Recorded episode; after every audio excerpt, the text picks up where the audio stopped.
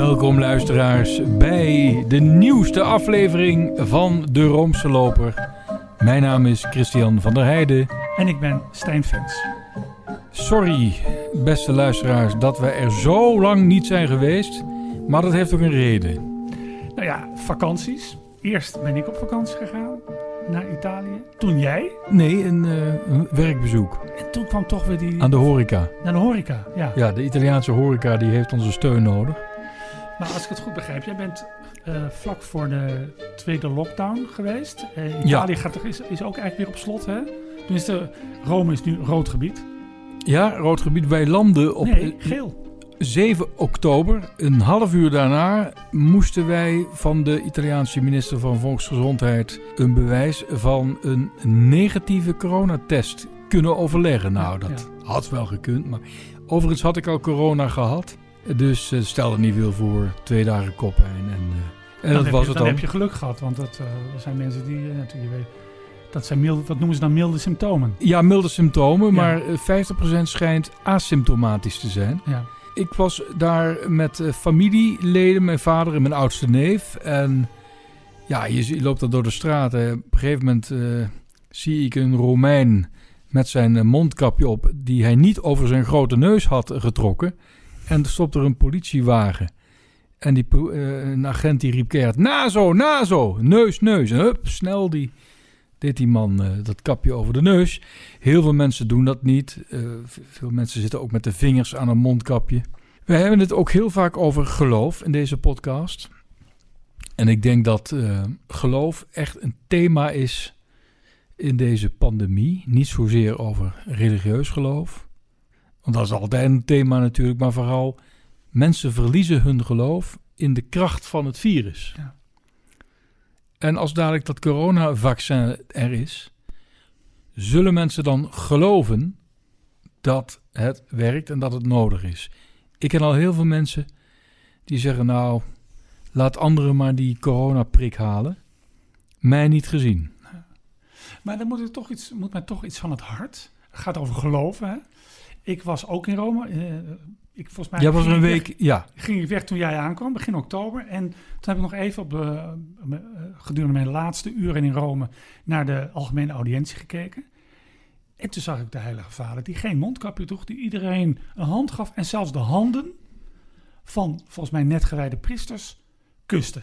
Is dat nou het goede voorbeeld? Nee. Ik heb hem eigenlijk pas uh, voor het eerst met een mond-neus-masker opgezien. Uh, ja, ik was daar niet zelf bij, maar dat natuurlijk allemaal op, uh, op uh, YouTube kunnen bekijken, rechtstreeks. Op de Campidoglio, het Capitool, de, bij het raadhuis, het gemeentehuis van Rome. Daar was een interreligieuze bijeenkomst voor de vrede en voor alle ellende met de pandemie. Georganiseerd door de communitaat die Santa Egidio, de sympathieke mensen van Sant'Egidio. Die doen naast het sluiten van vriendschap met de armen ook heel veel voor het uh, vredeswerk en de interreligieuze dialoog. En daar zag ik uh, Franciscus voor het eerst met een mond-neusmasker. Ja. En die uh, was zwart gekleurd. Dan zou ik zeggen, daar zou ik dan toch een wit masker. En er zijn voldoende witte exemplaren. Kardinalen met een mooi rood. Ja. Ik zag een, een foto van Paus Franciscus met patriarch Bartholomeus. Ja. Allebei een mondkapje. Ja. Vond ik ook een mooi gezicht. Heel mooi gezicht. Ja. En overigens, die uh, Bartholomeos. Zeg jij Bartholomeus? Nou, ja, Bartholomeos. Maar ik zeg niet Bartholomeus. Nee, want waarom zou ik de Latijnse, zeggen eigenlijk? een, ja. een, Latijnse naam geven aan een... Uh, aan een nou ja, ik denk altijd in iemand Latijn, van, van de Griekse wereld. Ja. ja. Uh, in elk geval, hij heeft wel gereageerd op de ja, op het winnaarschap van de Amerikaanse verkiezingen. Ja. Uh, op op uh, de, het winnaarschap van uh, Joe Biden, althans. Dat nemen wij aan. Ik zeg niet de verkiezing, want hij is nog niet gekozen. Hè? De dus kiesmannen gaan. Hè, oh, ja, kijk, daar wil ik het even over hebben. Oh. Hè? Kiesmannen, hè? Ja, de kies, Waarom, het kiescollege. Nee, nee, nee, ja, ik zou zeggen de verkiezers of de electoren. Maar in het Engels heeft men het over electors. En Ja. waarom hebben wij daar nou kies mannen van gemaakt. Er staat nergens dat dat mannen Ja, moeten is zijn. hetzelfde als met het Engels woord gardener. Ja, Dat wordt bij ons vertaald als tuinman, Ja, maar, en, als het een vrouw is? tuinvrouw. Precies. Dus kiesmannen vind ik een seksistisch woord. En ik snap niet dat de NOS, die toch altijd voorop staat bij het eh, benoemen van, eh, van, van seksismen, dat die dat gewoon overnemen. Ook in de kranten, ook in Ja. een trouw heb ik het al gelezen. Ja, nee. is- dus eh, ik zou trek een zeggen-. Ik zou zeggen, seksisme bestrijden begint ook in de taal. Dus eh, ik zou nooit meer het woord kiesmannen gebruiken. Maar goed, Maar de paus heeft dus nog niet Nee, en dat schijnt het ook, ook volgens het protocol niet te horen. De felicitaties gaan pas richting de nieuwe president zodra die is geïnstalleerd. Amerikaanse bisschoppenconferentie Maar heeft. Ja, die wel, ja. Ja. ja. Maar Bartholomeus, die heeft echt laten blijken dat hij heel blij is met Biden. En die heeft hem dus wel gefeliciteerd. Maar ja. Bartholomeus is geen staatshoofd. Nee. Eh, dus die heeft minder protocol. En ehm, wat ik ook wel opvallend vind, en wat we moeten noemen, is opvallend. We hebben, als het goed is, straks weer voor de tweede keer in de geschiedenis een katholieke president. Ja, De en president-elect is katholiek. kijk, er zijn heel veel mensen katholiek. dat is waar. Maar hij is ook beleidend. Dat, eh, eh, sterker nog, hij zou zelfs eh, op de ochtend van Election Day met zijn vrouw ook naar de mis zijn geweest. ja, hij is uh, van St. Joseph's in Wilmington, Delaware. Yes, en daar, dat, hoe ik dat uitspreek? ja, maar St. Joseph nog wat staat er, maar dat kan niet meer zo goed. En daar, op dat kerkhof, daar ligt zijn, zijn zoon, Ja. die, die gestorven is aan eh, de gevolgen van eh, hersentumor. Ja, ja, en hij heeft, nou ja, dan maken we het verhaal even af. Hij heeft, Joe Biden, heeft elke dag een rozenkrans bij zich, zit in zijn broekzak. Hmm. En het is de rozenkrans van zijn zoon Bo. Nou, dat, eh, ja, dat is prachtig. En, die, en, en die, ik, ik zag een interview met eh, Oprah Winfrey, waarin hij dus die rozenkrans in de hand had en vertelde Ja. over de laatste minuten met zijn zoon. ja. Ik stel voor dat we, ehm, voordat we aan het eigenlijke onderwerp gaan beginnen... Wat niet vrolijk is. Nee, maar we blijven wel in Amerika daarbij. Maar we verklappen nog niet waar we het over gaan hebben. Het is geen leuk onderwerp, Nee, maar we moeten het nu eenmaal bespreken. het is onze plicht. Het is onze plicht. Eh, maar ik stel voor dat we toch even gaan luisteren naar het einde van eh, de overwinningsspeech van Joe Biden. Folks, in the last days of the campaign, I began thinking about a hymn that means a lot to me and my family, particularly my deceased son, Bo. It captures the faith that sustains me and which I believe sustains America. And I hope, and I hope it can provide some comfort and solace to the 230 million, thousand Americans who've lost a loved one to this terrible virus this year. My heart goes out to each and every one of you. Hopefully, this hymn gives you solace as well. And it goes like this And he will raise you up on eagle's wings, bear you on the breath of dawn, and make you to shine like the sun, and hold you in the palm of his hand.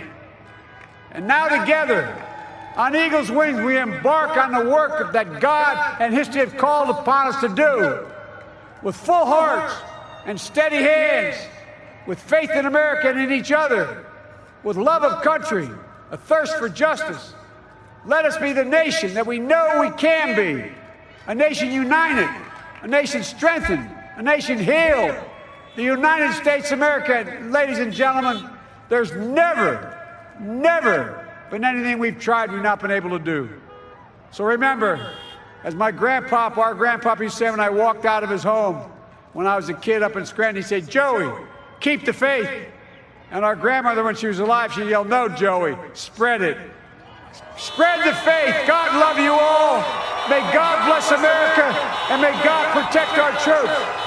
Thank you, thank you, thank you. Ja, dat is toch mooi wat die oma zegt. eh, spread the faith. Ja, Spread the faith. Het is moeilijk om dat te vertalen, want eh, bedoelde, ze- zij bedoelde, denk ik, verspreid het geloof. ja. Hè? Maar hij bedoelde het, dus je kunt het ook vertalen met vertrouwen en geloof in elkaar. We hadden het net al over het geloof. Hè? We geloven wel dat het coronavirus er is en over dat er het vaccin gaat werken en zo. En hij bedoelt ook, we moeten vertrouwen hebben. Dus, Ja. dus, dus faith betekent hier vertrouwen. Zoals fides ook geloof en vertrouwen kan betekenen. Mag ik dat toch, voordat we naar dat ene verschrikkelijke onderwerp gaan waar we het dus over gaan hebben. Ja, Vind jij toch niet straks een fijne gedachte dat uh, de president van, zoals gezegd wordt, het machtigste land op aarde bij onze kerk hoort? Vind je het niet een fijn idee? Mm, ik kan mij zelf dus wel met hem uh, vereenzelvigen. Ja. ja. Nou ja, ja je weet met zijn. Uh, maar, maar hij is wel een van ons, ja. Dat is zo, ja. Maar ik, ik heb daar geen... Ik heb daar absoluut geen... Uh, ja, zo van, hè, hè, jongens, wij zijn er weer. Nee, maar ik vind het wel mooi dat mocht het ooit voorkomen... Ja. Dat, dat Joe Biden en wij samen in een katholieke kerk een mis bijwonen... dan weten we alle drie wat we daar moeten doen. Vind ik een fijn idee. Hoe zou jij erop reageren? Hè? Even van, want er is uh, bekendgemaakt uh, een aantal maanden geleden dat hij ergens uh, de mis bijwoonde. Eraan deelnam, ja. moeten we zeggen. En dat de dienstdoende priester hem toen de communie weigerde. Omdat hij dus pro-choice is. Ja. We weten dat hij dat niet makkelijk vindt, abortus. Maar nee, hij is ook een beetje, beetje opgeschoven. Dat moet hij wel natuurlijk, want anders kom je helemaal niet aan de ja, macht. Hè? Ja. Je kunt niet pro-life zijn en democraat. Dat kan wel, maar dan maak je helemaal niks klaar. En toen is hem de communie geweigerd. Stel nu dat jij in dezelfde communiebank zou zitten en je zou dat aanschouwen. Zou je dan na afloop naar die priester stappen en zeggen, wat, wat, wat, wat maak jij me nou? Ja, ik zou wel willen uh, weten waar dat vandaan kwam. Ik denk als ik nog aan de beurt zou zijn, hmm. dat ik ook terug zou lopen. Omdat ik vind de communiebank niet de plek om politieke meningsverschillen uit te vechten. Uh, die priester zou hem dus eigenlijk die, de communie moeten geven. En dan afloop tegen zeggen, luister eens even, volgende keer misschien beter van niet. Hij is inderdaad de tweede sinds uh, John F. Kennedy. Ja. Ook van Ierse afkomst. En ik, ik mag hem heel graag. Ja, ik vind hem... Uh, Joey. Joey. Uh, en dat komt natuurlijk ook omdat hij door, die, door Trump natuurlijk uit, uitgemaakt is voor Sleepy Joe. En dan krijgt, krijgt zo iemand gelijk al mijn sympathie.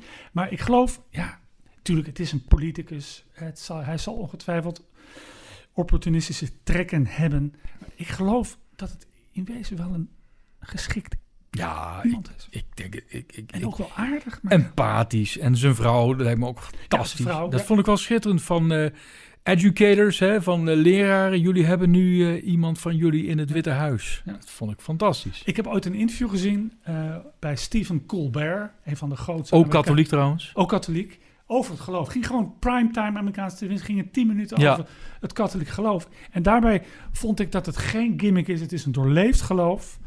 En eigenlijk ook wel ontroerend. Ja, Als ik het toch over ontroerend heb, ik ga nu een brugje maken.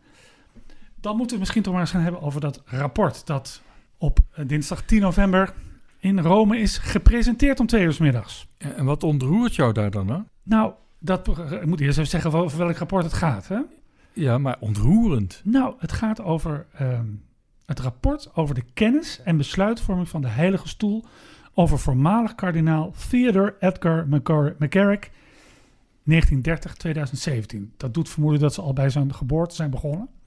Dus eigenlijk was, was het al mis toen hij geboren werd. Ja. Wat ik ontroerend vind is dat uiteindelijk... eh, we zijn een kerk van zondaars. En ik geloof eh, dat eh McCarrick ook in die categorie valt. Maar dat rapport, dat gaat ook over de, over de seksuele handel en wandel van deze meneer. Eh, die zich misdragen heeft. Eh, eh, ik, heb hem gister- ik heb in de krant een seksueel roofdier genoemd. Een predator, zoals de Amerikanen zeggen. Uiteindelijk ze hebben heel veel mensen ondervraagd. En daar zitten ook mensen bij die loyaal katholiek zijn. Opeens met iets worden geconfronteerd. Wat volstrekt haak staat. Waar alles waar dat geloof ehm, voor gaat. Moeders, priesters. En hun getuigenis, de moed ook die ze hebben kunnen opbrengen om tegen de hiërarchie in, tegen de, misschien wel de stroom van de tijd in, ehm, een klacht tegen McCarrick in te dienen, of tenminste de zaak aanhangig te maken, dat ontroerde mij. Op die manier, ja. Het is geen leuk, le- geen leuk eh, leesvoer. Over wie hebben we het? We hebben het hier over, inderdaad, zoals jij al zei, Theodore Edgar McCarrick. Geboren in New York City in 1930. En voor datzelfde aartsbisdom is hij in 1958 priester gewijd. En daar werd hij al meteen heel populair. Eh, hij sloot vriendschap met allerlei gezinnen. En eh, hij ging ook op vakantie met de tiener dochters en, en zonen van die families. Eh, ja, dat is ook heel merkwaardig. Want hij was een keer op de Bahama's met zijn neefjes en nichtjes. Dat Ja. waren niet zijn neefjes en nichtjes, maar die noemden hem zo. Ze, en ze noemden hem Uncle Ted. En toen werd hij eh, door het bisdom teruggeroepen naar New York vanuit de Bahama's. Want daar was een Poolse kardinaal op bezoek met zijn secretaris. En eh, ja, ze wisten niet zeker eh, wat voor taal hij sprak, maar omdat McCarrick een polyglot was, zo stond hij althans bekend, zei de toenmalige aartsbisschop van New York: Kom snel naar New York, want, uh, want wij willen die man uh, correct ontvangen en we willen goed met hem kunnen communiceren. Dus hij brak zijn vakantie af in de Bahama's. En daar maakte hij voor het eerst kennis met uh, Karel Wojtyła, die toen aartsbisschop van Krakau was, en diens privésecretaris toen al, Stanislav Zwiewicz. Ja, misschien is het goed om eerst even toch even heel snel die levenshandel even een paar piketpaadjes via een paar piketplaatjes te slaan. Uh, al heel jong um, hulpbisschop van In New 19, York. Ja, 1977. Ja, was hij, uh, wat was hij, 47? Hij werd daar uh, toen uitverkoren ja. als een heel groot talent. Groot talent, later bisschop geworden in New Jersey. Hoe, hoe spreek je dat uit? Met, met Chuken? Ja, met. Metuken. Metuken. Metuken. Later aartsbisschop van Newark. Hè, dat is die grote stad die vlakbij New York zit. Eigenlijk. En daarna in 2000 gepromoveerd naar de prestigieuze zetel, zetel van Washington.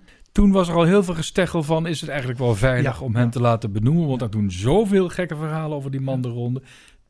Hè, dan, moet je, dan ben je al aartsbisschop van een enorm aartsdiocese Newark... Waar, waar, echt heel veel mensen wonen. Veel immigranten, ja. Italianen vooral. En dan gaat hij naar de meest prestigieuze zetel, die van Washington... En dan pas gaat men bij de Heilige Stoel zich afvragen: is dat ja. wel verstandig? En wat gebeurde er toen? Nou, 2001 kardinaal. En tegelijk, eigenlijk is die hele carrière, want het is, een, het is een, eigenlijk een voorbeeldige carrière binnen de kerk. Hè? Bisschop van een klein bisdom, aartsbisschop en dan naar een prestigieuze zetel en kardinaal. Die is eigenlijk continu begeleid met geruchten, verhalen. Dat hij het bed zou delen met seminaristen. Dat hij uh, seksuele betrekkingen zou hebben met seminaristen. Eigenlijk een aantal stadia van zijn carrière komen die geruchten op. En die worden eigenlijk steeds gedownplayed. Kan niet bewezen worden, worden niet geloofd. En als we het over Washington hebben. In Washington wordt die vraag opnieuw gesteld. Zelfs de, de, de, toenmalige aartsbisschop van New York, O'Connor, heeft een brief geschreven. Dat ging toen eigenlijk om de, zijn eigen opvolging in New York. Waarin die geruchten worden herhaald. En je ziet dat Johannes Paus II eerst terugschikt. En eerst hem niet wil benoemen in New York. En ook niet wil benoemen in Washington. En wat doet McCarrick dan? Dat schrijft McCarrick een persoonlijke brief aan Dziewicz, de privésecretaris. En de brief werd, kwam dus uiteindelijk bij Johannes Paus II terecht. Om te zeggen, ik ben onschuldig. En dat is natuurlijk de grote vraag in, die, in dat hele McCarrick verhaal. Hoe kan het? Dat iemand die zoveel op zijn kerfstok heeft. En een spoor van seksuele wandaden. Toen was eigenlijk nog niet bekend, moet je eerlijk zijn, dat hij ook aan jongetjes heeft gezet. Dat kwam pas in 2017. Uh, dat hij toch carrière heeft moeten maken. Nou, dat is de grote vraag. Het was een heel groot schandaal in 2018. Het heeft er zelfs voor gezorgd dat hij zijn kardinalaat heeft moeten inleveren. Dat hij uiteindelijk uit de, uit de priesterstand is gezet. Die bestaat, je wil, de priesterambt is ja, gezet. De klerikale status verwijderd. Het heeft er uiteindelijk toe geleid dat, dat hij uit het priesterambt is gezet. Zijn klerikale status heeft verloren. Enorme rel.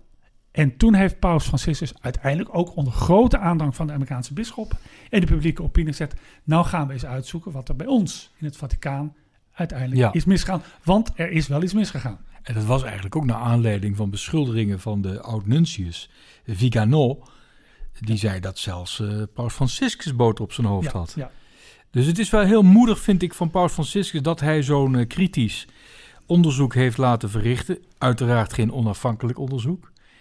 Maar het, eh, eh, ja, het zit goed in elkaar, ongeveer 460 pagina's. Ja, ik moet, je moet, wat je in de eerste plaats moet zeggen, dat het natuurlijk toch vreemd is dat eh, de Vaticaan zichzelf onderzocht. Hè? De, de, de, de slager keurt zijn eigen vlees. Als we gaan kijken naar Nederland, bijvoorbeeld, de commissie Deetman, het waren mensen van buiten. Hmm. Het onderzoek is door het Vaticaan zelf gegaan, om precies te zijn door het staatssecretariaat, onder leiding van kardinaal Pietro Parolin. Wie voor de rest het onderzoek hebben gedaan, weten we niet. Dat staat er ook niet bij. Er was geen persconferentie, je kon geen vragen stellen. Misschien is het wel goed om even naar Parolien te luisteren, die het rapport, wat je zegt, bijna 450 pagina's, ruim 1400 voetnoten van een persoonlijke videoboodschap begeleid heeft doen zien.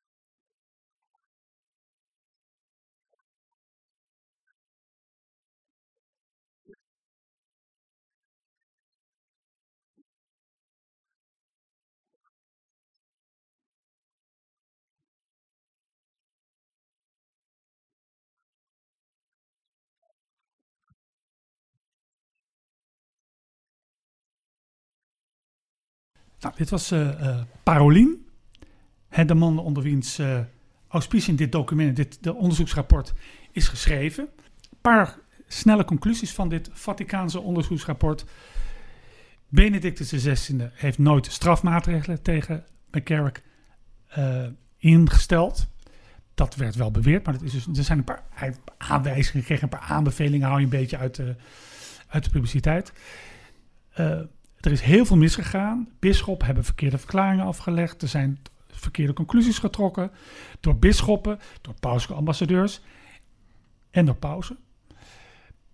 Paus Franciscus wordt vrijgepleit eigenlijk. Van, uh, dan werd gezegd door Vicano, hij, ik heb het persoonlijk gezegd en hij heeft niets gedaan.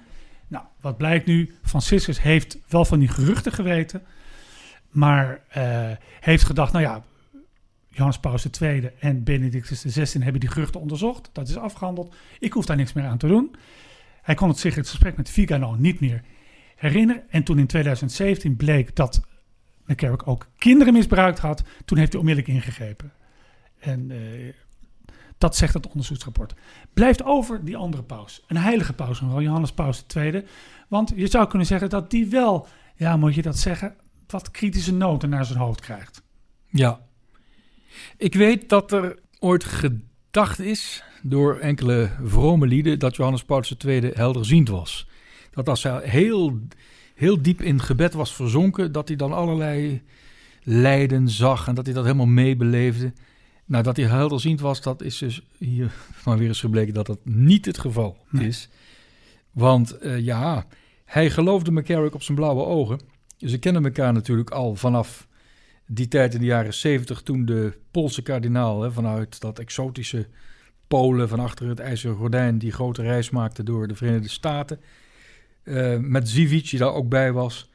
Uh, dus Zijn privé-secretaris. Ja, dus later ook, uh, die nu dus emeritus aartsbisschop van Krakau is. Moet je nagaan over carrière gesproken. Zit ook in een, in een seksueel misbruiksschandaal, wat hij misbruik wat hij heeft toegedekt. Nou. Het is allemaal niet vrij.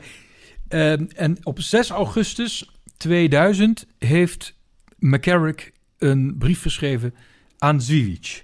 Natuurlijk eh, vanuit de gedachte van hij zal hem wel aan de Heilige Vader doorgeven, die brief. En die schreef McCarrick omdat er dus verhalen waren overgebracht naar Rome door de toenmalige aartsbisschop van New York. En in die brief, daar zegt McCarrick eens even kijken. Ik heb hem hier voor me. U zult me wel niet uh, kwalijk nemen dat ik hem even in het Engels citeer.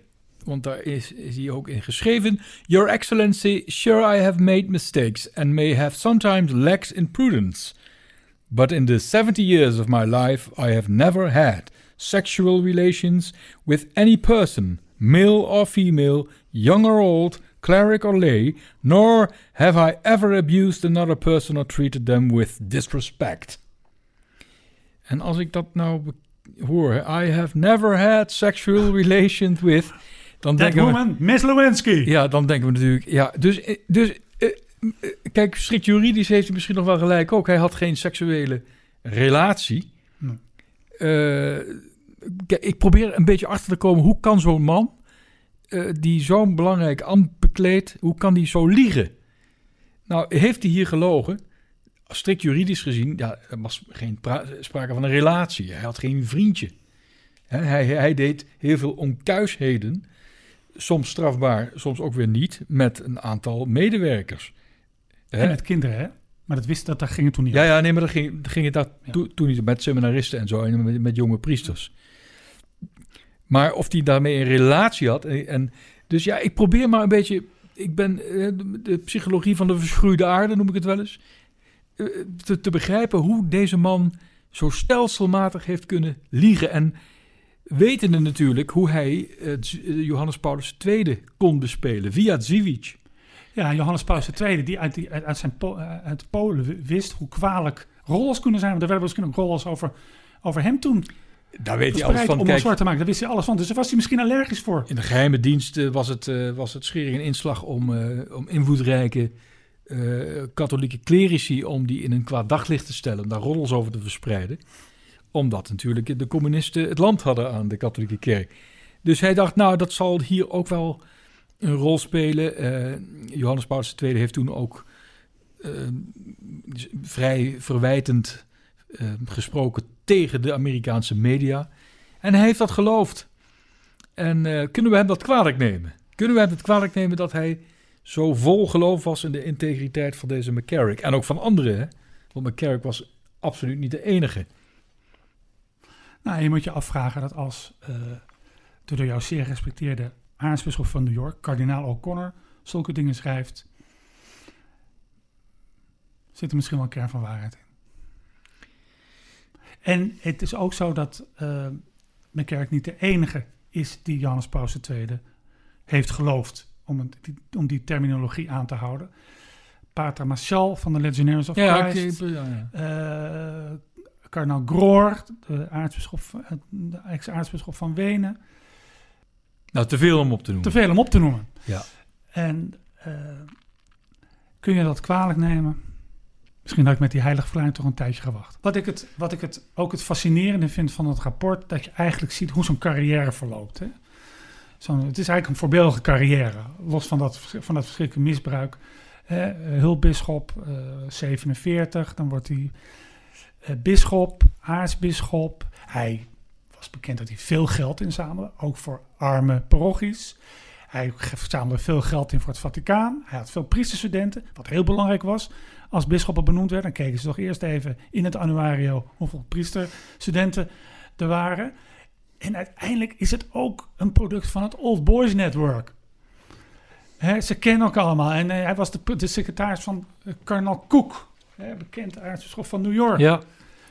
Er wordt gezegd nu, er moeten lessen uit worden uitgetrokken. Welke lessen worden er uitgetrokken? Ik denk dat deels de lessen al getrokken zijn. Ik denk veel van de strenge maatregelen die door de Pees Paus zijn afgekondigd sinds die misbruiktop eigenlijk sinds de affaire McGarrick, letterlijk tot die kwestie McGarrick zijn terug te dringen. Maar die transparantie, hè, dat ging ook om transparantie. Hè? En ik geloof dat echt dat, ondanks het feit dat het een uh, intern rapport is van het Vaticaan, komt het zeer transparant over. Ja, de kerk heeft zich hierbij niet gespaard. Nee, dit is zelfonderzoek van, uh, ja, het is van een, niveau. Ja, ja, En ook, het is ook beeldend, het is goed geschreven trouwens.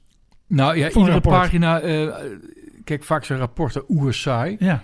Maar hier niet. Nee. Nee, dit is niet saai, maar het is wel heel beschamend. Dus ik heb er ook, ik vind het een vreselijk onderwerp. Nee, het, is, het, is, het, is, het, is, het is een vreselijk onderwerp. Ja. Maar ik denk als, als er lessen uh, moeten worden getrokken, dan zou dat bijvoorbeeld kunnen zijn dat ze eens gaan kijken hoe bisschoppen worden benoemd. Ja. Waar, waar moeten bisschoppen aan voldoen? Deze McCarrick, daar waren dus geruchten onder. Die geruchten zijn eigenlijk nooit serieus goed onderzocht. En je zou kunnen denken aan zoiets als een psychologisch onderzoek. Nou, en, kunnen, het, en, het, en het transparant maken van het proces, waardoor bepaalde geruchten of weet ik veel ook sneller in zo'n proces betrokken kunnen worden. We kunnen wel zeggen dat dit een historisch document is. Hè? Ja. Dat is nog nooit, nog nooit vertoond dat de kerk zo zichzelf met de billen bloot laat zien. Dus, eh, dus dat hebben we toch te danken aan Paus Franciscus, die hiermee heeft bewezen dat al die mooie woorden die hij heeft gesproken over transparantie, dat hij die echt meent. En vergeet ook niet dat we hier ook de Amerikaanse bisschoppenconferentie moeten bedanken. Want die hebben continu aan zijn hoofd gezeurd. Ja. Om dat nou eens een onderzoek in te stellen. Ja. Ze hebben dat zelf gedaan, ook binnen hun eigen gremia. Hmm. Er werd er ook steeds gekeken naar Rome. Maak nou zelf eens een keer schoon schip. En dit is een eerste stap.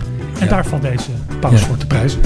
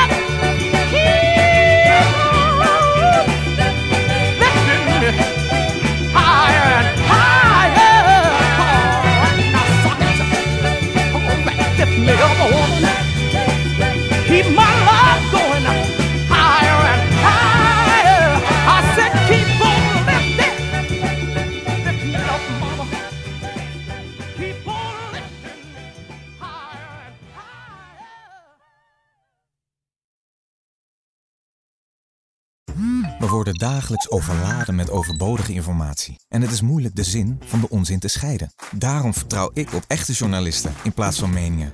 Een krantenmens heeft het gemakkelijk. Word ook een krantenmens en lees je favoriete krant nu tot al zes weken gratis. Ga snel naar krant.nl. Bezorging stopt automatisch en op deze actie zijn actievoorwaarden van toepassing.